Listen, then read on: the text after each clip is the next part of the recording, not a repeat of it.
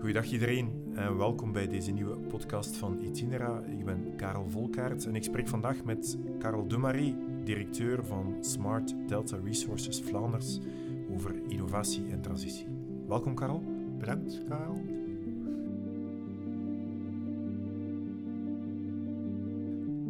Misschien moet je al eerst eens beginnen met uitleggen waar Smart Delta Resources Vlaanders om draait.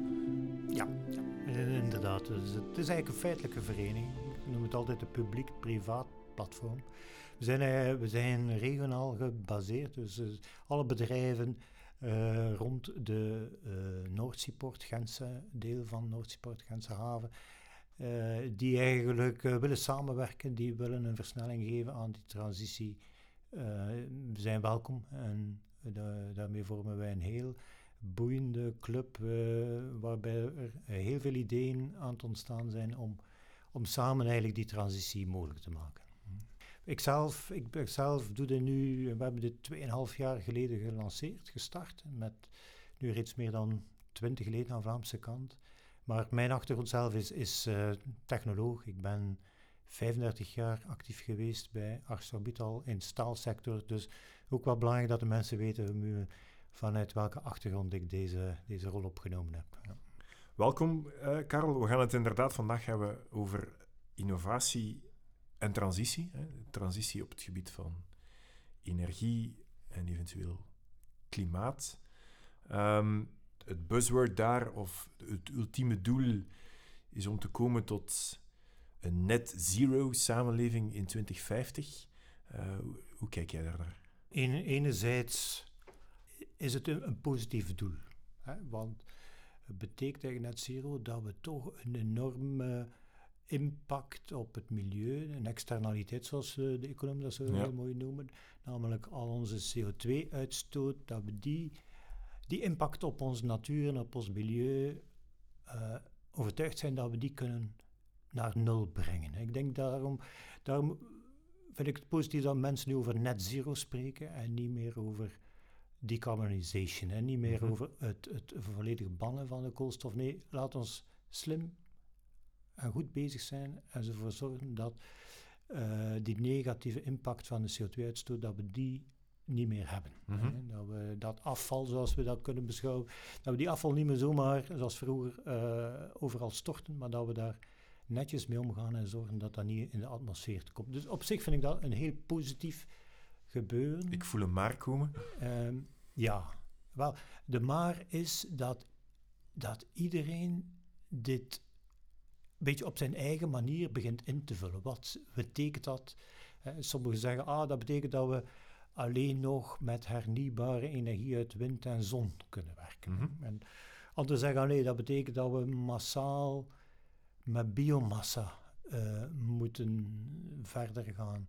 Dus Karel, wat ik een beetje zie is dat, dat mensen daar eigenlijk te veel jumping to conclusions doen. Ja. Te veel daar bepaalde deeltjes uitpikken en, en niet zozeer het, het, het, het werkelijk transformatieve van dat geheel kunnen, kunnen bevatten. Mm -hmm. Denk ook de schaalgrootte en de afhankelijkheid van fossiele energie en hoe, hoe positief dat die beschikbaarheid van die fossiele energie geweest is over de laatste 150, 200 jaar voor ons. Ik denk dat wij dat niet meer be genoeg beseffen, waardoor dat ook die uitdaging om hoe kunnen we dan die fossiele uitstoot uh, compenseren naar een nuluitstoot, dat we die ook niet beseffen hoe groot dat die is. Ja.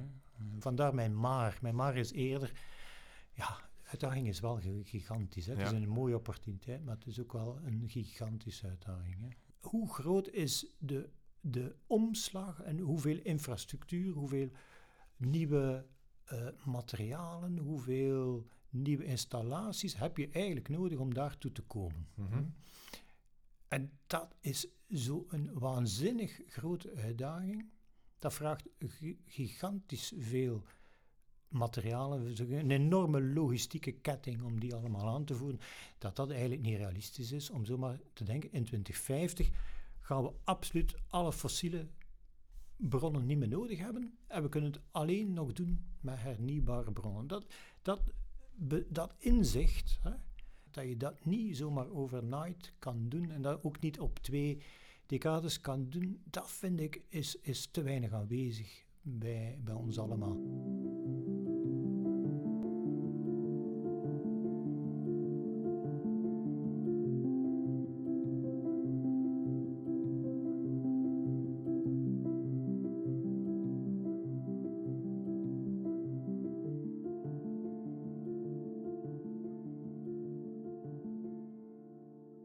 Binnen de beperkingen die er zijn, wat zijn voor jou dan de prioriteiten of de eerste stappen of de belangrijkste stappen richting dat einddoel? Als jij Ja. het voor het zeggen had, hoe, Ja. zou jij, hoe zou je die transitie vormgeven? Hoe zou je dat coördineren? Er moet een sturende kracht zijn. Er moet iets zijn die ons ertoe aanzet om minder CO2 uit te stoten. En daar geloof ik, geloof ik eh, inderdaad wel sterk in dat we die externaliteit, namelijk onze CO2-uitstoot, dat we die transparant duidelijk moeten maken en dat we daar een kostprijs moeten aan hangen. Dit is eigenlijk in een globale eh, eh, eh, markt met heel veel ehm, actoren, is eigenlijk de, de financiële consequentie is eigenlijk de enige gemeenschappelijke noemer. Hè? Ja. De ene gebruikt kolen, de andere die gebruikt elektriciteit, de andere gebruikt, eh, die rijdt met zijn wagen of die neemt de trein. Niemand weet of beseft op dat moment hoeveel CO2 ben ik nu aan het uitstoten. Mhm. Hè? Maar als we dit kunnen omzetten op een transparante manier naar ja, maar dan kost je het zoveel Mhm. geld, dan krijg je wel iets die gemeenschappelijk is voor iedereen, waar dat iedereen eh, eh, aan kan werken. Mhm. Dus voor een Belg bijvoorbeeld, een Belg die Ja. stoot 10 ton CO2 uit. 10 ton, dat stoten wij uit op één jaar tijd. Aan Dus een prijs van... aan een prijs van vandaag is dat 80. Ja. Hè? Ehm, 80 maal 10, dat is 800 euro. Die we eigenlijk al uitgeven zonder dat we dat weten. Hè? Eh, nu, 80 euro is zeker ruim onvoldoende om net zero te worden. Ehm, men spreekt van 250 euro. Ik denk dat dat nog altijd optimistisch is. Ehm, als ik zie hoeveel de inspanning eh, zal kosten. Maar je zit snel. Je moet- mag eigenlijk snel zeggen, aan 250 euro betekent dat dat elk gezin in België 10.000 euro uitgeeft door Per jaar. CO2-uitstoot per jaar. Mhm. 10.000 euro. Ten opzichte van een gemiddeld gezininkomen is dit toch al heel substantieel. Geven wij uit zonder het te weten. Mhm. Laat ons dit eventjes transparant maken. Laat ons duidelijk maken hoeveel geef ik uit als ik met de wagen rij of hoeveel geef ik uit aan de verwarming. Om op die manier inderdaad iedereen samen een motivatie te geven om naar eh, eh, oplossingen te gaan waar er minder mee uitgestoten wordt. Mhm. Dus dat denk ik is stap nummer één.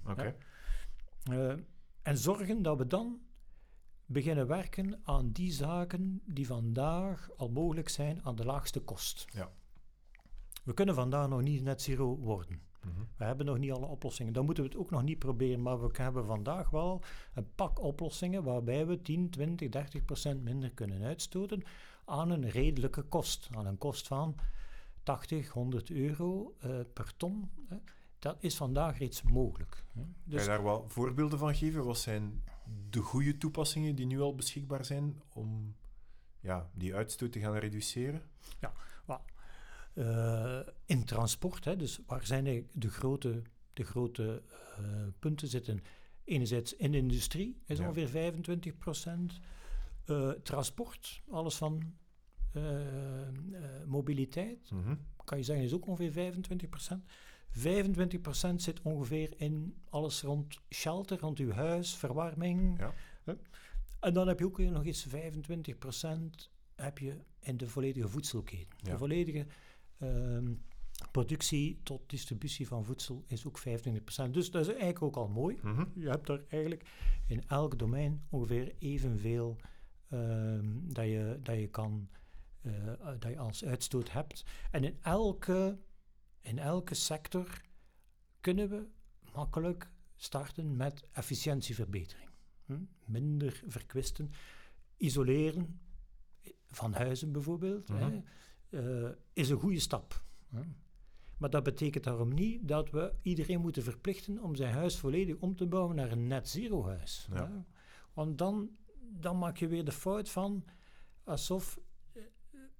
Dan kijk je alleen maar naar de uitstoot tijdens de verwarming van je huis, maar je Mhm. kijkt bijvoorbeeld niet meer naar de uitstoot van de isolatiematerialen op het moment dat die moeten geproduceerd worden, waarbij dat je dan eigenlijk veel meer uitstoot tijdens de productie van die materialen dan dat je ooit nog kunt uitwinnen bij je huis. Dus mijn punt zou zijn, vandaag moeten we vooral werken aan die eerste 10, 20 procent, wetende dat dat ons nog niet naar net zero gaat brengen, maar weten dat dat wel op korte termijn onze uitstoot naar beneden brengt en tegelijkertijd ook onze uitgaven. hè. Ja, ja. Dus we moeten ervoor zorgen dat we die transitie op, zi- op zichzelf terugverdienen. Dat we eigenlijk niet plotseling 10.000 euro per gezin moeten uitgeven, maar dat we door de juiste stap te zetten, enerzijds efficiënter worden, dat betekent eh, geld besparen, en tegelijkertijd dan die besparing kunnen omzetten in een, een stukje eh, CO2-uitstoot Ja. verminderen.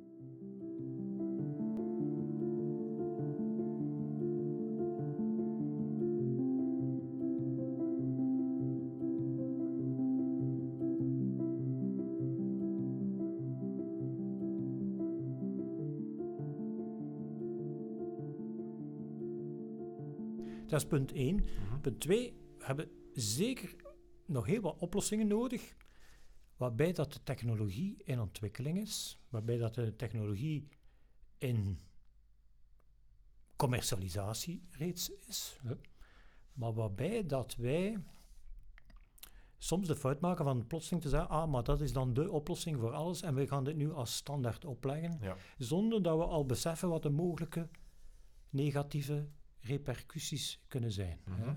Dus ik kijk bijvoorbeeld naar de, naar de elektrische wagens. Ja. Op zich is een elektrische wagen met een batterij vind ik een fantastische vooruitgang. Mhm. hè.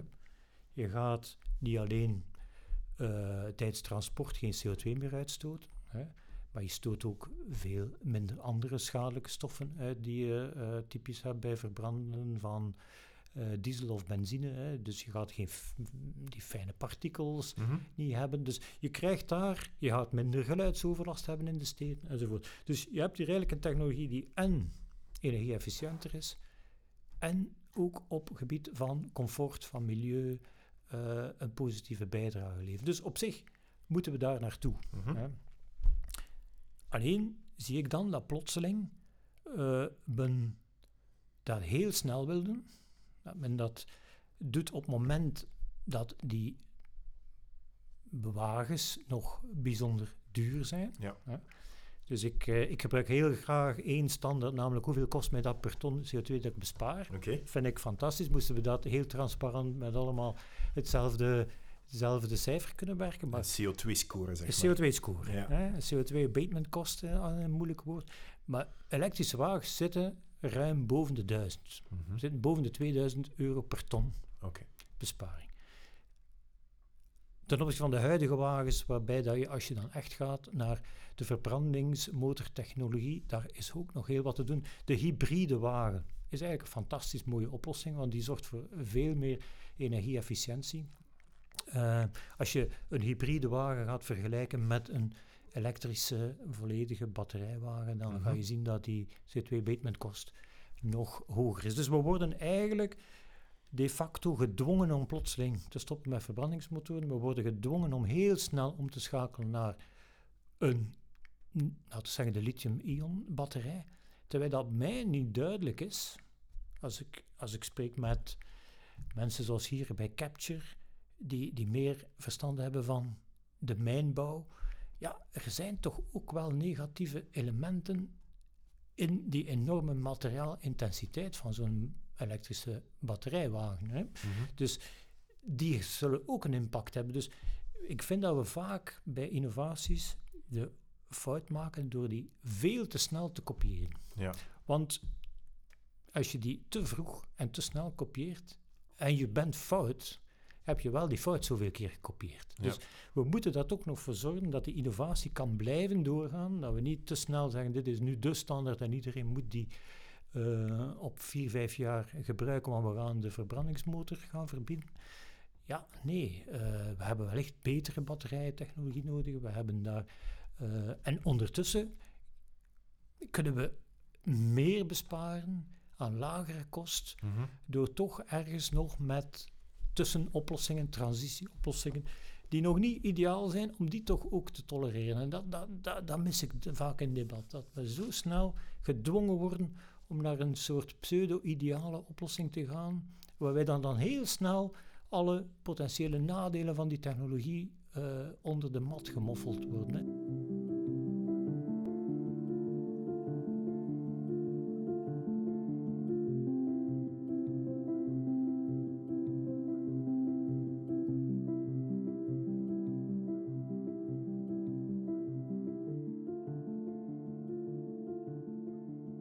Leidraad voor jou is hè, die CO2-score, de abatement-kost, de kost per vermeden, zal ik dan maar Ja. zeggen, CO2. Mensen zijn zich niet genoeg bewust van dat lijstje of de rangschikking of, of, Ja. of de elementen die daarin zitten. En politici, waarschijnlijk bij uitbreiding, zijn zich daar ook niet van bewust. Hebben zij een rol te spelen?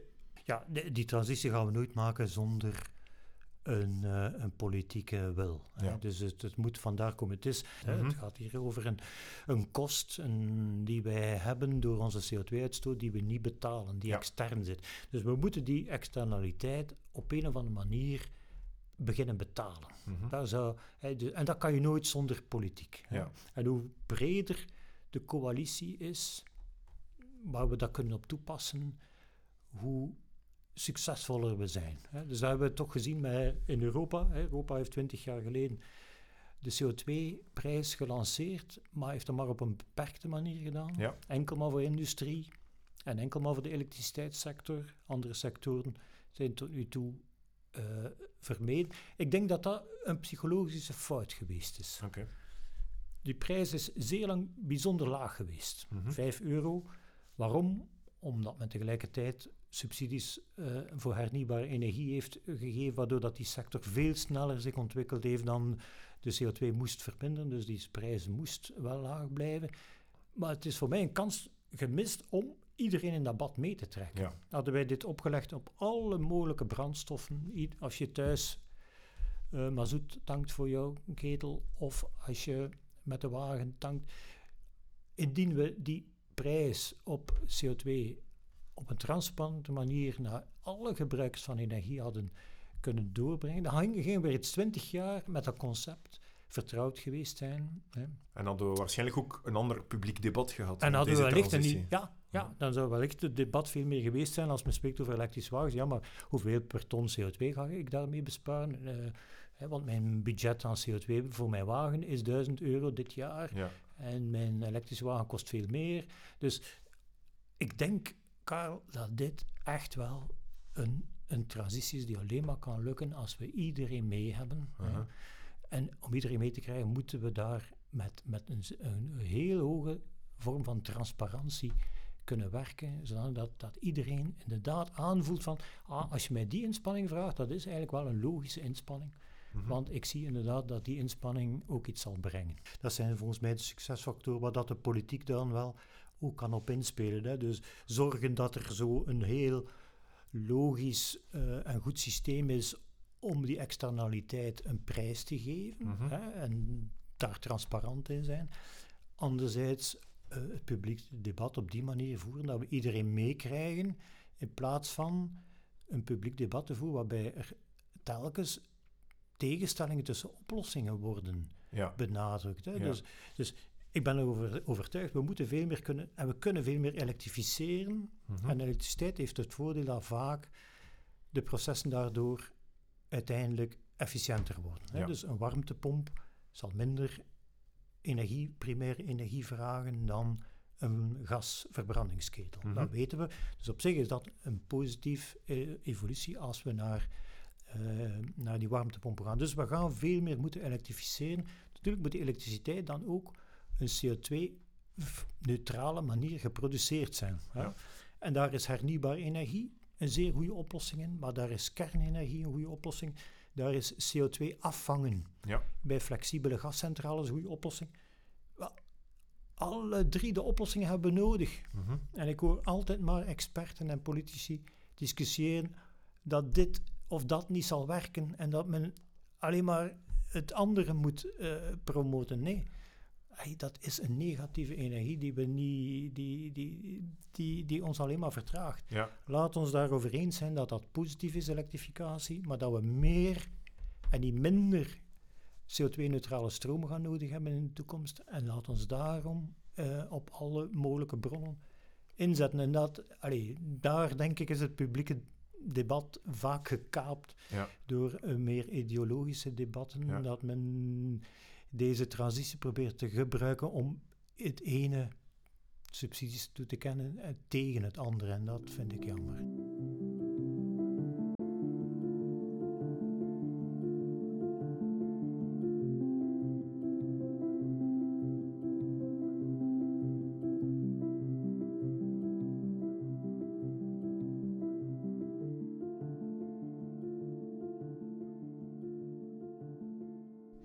De politiek genoeg als het gaat over die basisinfrastructuur?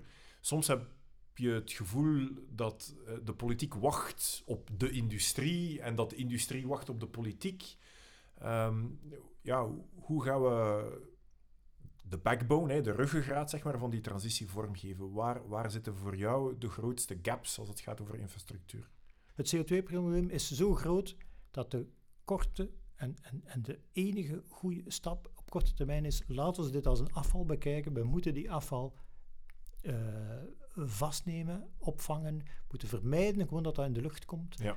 Um, en, en daar, daar zijn we eigenlijk als, als, als, als Vlaanderen en als België bijzonder goed geplaatst. Ja, oké. Okay. Dat ja. is goed ja. om, om te Wereld, horen. Wereldwijd, wereldwijd zijn wij eigenlijk een, een, een rivierdelta. We hebben we hebben de Schelde, we hebben de Maas, we hebben de Rijn. Komen die allemaal in deze delta terecht? Dat betekent dat, we, dat we eigenlijk historisch gezien in een zeer vlak gebied liggen.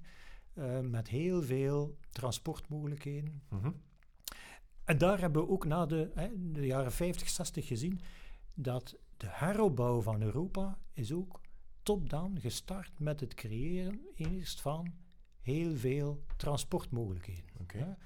Hetzelfde moet je nu doen met CO2. CO2 moeten we op heel korte termijn dat probleem onder controle krijgen. Wij zijn bijzonder goed gevestigd om hier de kern te worden van een Europees CO2-netwerk. Met een hub uh, die dan naar de Noordzee gaat. De Noordzee is bijzonder goed geschikt als locatie om CO2 in op te slaan. Je weet dat we daar de laatste 50 jaar heel veel olie- en gaswinningen gehad hebben. Ja. Wel, die, die bronnen zijn er, die technologie is er, die infrastructuur en, en kennis is er ook om die, ik zou zeggen, olie- en gasbronnen nu omgekeerd te gaan gebruiken. In plaats van er gas uit te halen, gaan we nu gewoon opnieuw gas insteken. Mhm. Dus eigenlijk zijn wij, West-Europa, gezegend om, om, om met, met, met een paar geografische sterke voordelen. En daar zou ik van zeggen, als, als politiek, wij gaan actief uh, een, een, de, de, leiding nemen om, om die CO2-captatie uh, en transportinfrastructuur pro vooraleer de bedrijven dat zelfs eigenlijk al, al gebruiken om die te realiseren. Ja.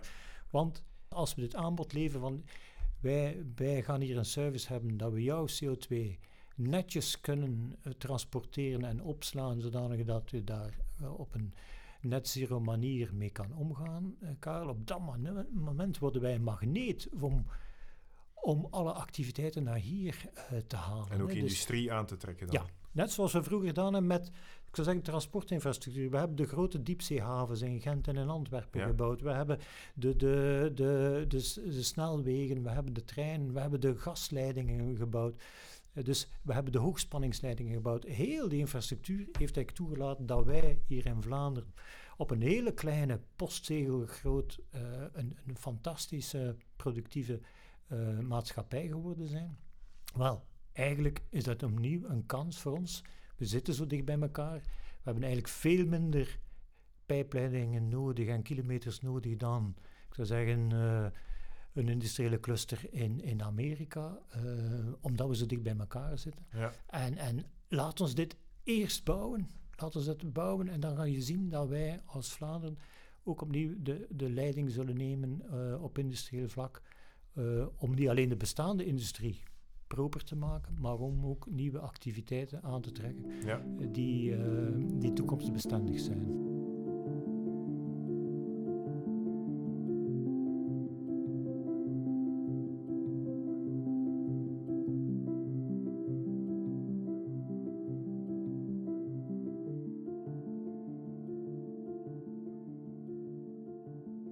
België en Vlaanderen in het bijzonder heeft al wel vaker wat problematische relatie met klimaatplannen en klimaattransities. Precies omdat wij zo dicht bevolkt zijn, precies omdat hè, industrie en landbouw en, en, en woonkernen zeer dicht bij elkaar liggen. Maar jij ziet er eerder een opportuniteit in, of toch zeker een opportuniteit om daarmee aan de slag te gaan. Ja, ja zeker vast. Dat je, allee, waarom kan een landbouw en, en bijproducten van de landbouw, hè, eh, ik denk nu zoiets aan de Vlaamse mest, eh, Ja, die een fantastisch mooie bron is van fosfor en van koolstof en waterstof en ammoniak. Dit is eigenlijk een mooie grondstof voor de industrie. En we Mhm. spreken nu over miljoenen tonnen die we Mhm. in Vlaanderen produceren. Omgekeerd, en daar hebben we met Arsabiet al in, in Gent wel een, een mooi, mooi voorbeeld van, waarbij we zien dat de, de, de, de hoogovergassen worden omgevormd in, in ethanol en in een soort proteïnerijke massa. Mhm. Je ziet eigenlijk bijna, de industrie gebruikt afval van de landbouw, de landbouw, eh, of de industrie produceert dan opnieuw voedsel voor de landbouw. Zo, zo is het ook met afval, met plastiekafval. Plastic is eigenlijk een prachtige bron van koolstof en waterstof, die we anders uit aardgas en kolen halen. Mhm. ons dit als, laat ons dit als een grondstof bekijken. En hoe dichter je bij elkaar zit, hoe makkelijker dat, dat wordt. Ja. Denken we te veel in hokjes, in silo's, hè, tussen de industrie daar en zelfs binnen de industrie waarschijnlijk tussen de verschillende sectoren? het voelt niet comfortabel aan om Ja. plotseling te zeggen, oei, ik als industrieel, ik moet nu gaan kijken hoe dat ik eh, eventueel ehm, de, eh, de problematiek van de landbouw, dat dat voor mij een opportuniteit Ja. wordt. Hè. Dat, is niet, dat voelt niet zo comfortabel aan. Moeten we allemaal Maar- een beetje meer uit onze comfortzone Ja. treden? Eh, Ik denk dat dat een beetje ook is waarom dat we met SDR Ja. aan de slag zijn, waarom dat ook de samenwerking daar zo positief ervaren wordt. Hè, omdat we zijn zeer divers. Hè. Ik geloof heel sterk, je moet een aantal publieke actoren hebben, je moet een aantal private actoren hebben. Je moet ook groot en klein hebben. Mhm. Klein kan vaak sneller schakelen, kan vaak innovatief zijn, terwijl groot kan dan wel zaken efficiënt omzetten. Dus eigenlijk die, die diversiteit in Ja. onze club van groot, klein, in alle mogelijke sectoren, in, eh, in, in logistiek en in, in services, in kennisinstellingen zoals eh, met UGent en Capture, vind ik wel een fantastisch eh, Ja. platform. En we doen het nu als oefening rond de op het, in het Gentse, Mhm.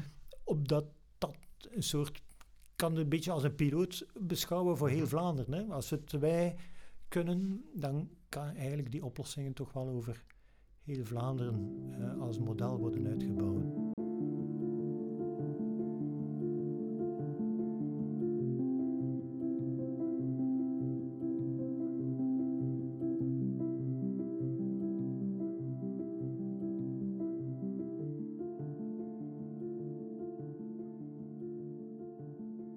Dat was eigenlijk ook eh, initieel de, de reden om Smart Delta Resources op te richten. Tien jaar geleden eh, zijn een aantal grote bedrijven in, in, in de regio van Noordseapoort hebben de koppen samengestoken. En dat was langs de Vlaamse kant ArcelorMittal, eh, maar dat was aan de Nederlandse kant Dow in. Terneuzen. Dat was eh, Yara in Sluiskil, hè, die kunstmest maakt. En dat was ook de Zeeland Refinery in Vlissingen. Dus die, die vier hadden hun koppen samengestoken, omdat ze zeiden, ja, we zijn eigenlijk bijzonder materiaal- en grondstofintensief. hè. Mhm. 2012, 2013 was de agenda nog niet zozeer die CO2-neutraliteit, klimaatneutraliteit, maar was wel het, eh, het geloof van, oei, wij importeren hier miljoenen ton.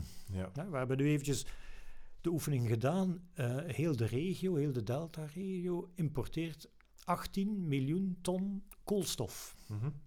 Als je dit zou willen maken, die koolstof met landbouwproducten hè, of met biomassa, met hout, Mhm. ja, dan hebben we plotseling de landbouwoppervlakte van heel Frankrijk of Duitsland nodig. Alleen al voor onze kleine Smart Delta Resource groep. Zoals je heel terecht zegt, die energietransitie zal ons veel materiaalintensiever maken. Hè? Dus uh, een windmolen vraagt veel meer staal uh, en koper uh, per megawattuur geproduceerde stroom dan je in een klassieke thermische elektriciteitscentrale hebt. En ook zo voor een wagen. Hè. Een elektrische wagen weegt veel meer dan een gewone wagen. Ja, waarom? Omdat er veel meer materialen in die wagen zitten. Mhm. Dus we gaan meer staal nodig hebben, we gaan meer chemie nodig hebben. Kijk, ik val misschien een beetje in herhaling, maar de grootste bedreiging is volgens mij als wij dat uh, te eng bekijken, alsof dat er maar één, één oplossing is. Hè? Dus het is bijzonder complex en groot, vooral groot. Hè? We mhm. hebben een enorme schaal uh, nodig.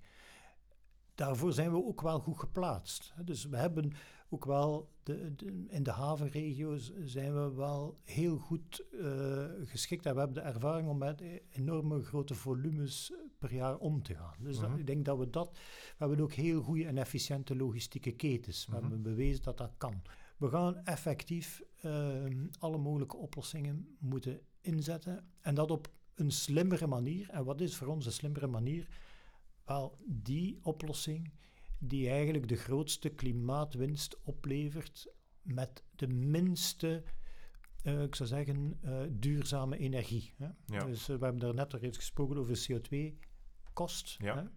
Maar je kan het eigenlijk ook vertalen in elke oplossing. Hoeveel CO2-vrije energie heb ik nu nodig voor die functionaliteit te mhm. maken. en, mhm. en, als je, en dat, is, dat is een makkelijke ranking. Hè? Mhm. dus, dus hoe complexer een systeem ook is, hoe meer je ziet dat er eigenlijk maar één of twee echt beperkende factoren zijn om dat te implementeren. En volgens mij is, is en hebben we bij SDR ook zo geanalyseerd, is onze echte beperkende factor het gebrek aan CO2-vrije stroom. Ja. Ehm, die moeten we zo snel mogelijk opbouwen.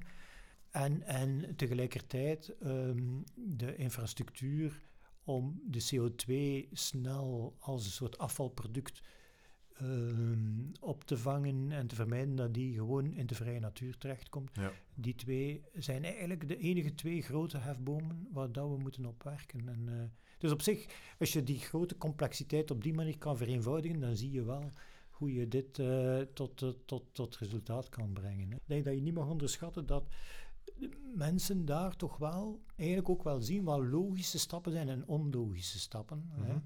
Um, en dat je ze op die manier wel moet kunnen mee en, en kan mee, meetrekken. Iedereen wil zijn steentje bijdragen op voorwaarde dat ze zien dat het eigenlijk wel een, een, efficiënt, een kostenefficiënte bijdrage is. Hè. Mhm. Ik kan alleen maar oproepen, laat ons daar veel transparanter zijn. Laat ons de ideologie weglaten. Laat ons hier misschien een beetje meer technocratisch toch uh, dit probleem aanpakken en minder ideologisch. Oké. Okay. Dankjewel voor die oproep, Karel. Uh, dankjewel voor dit gesprek en tot de volgende keer. Ja. Dag.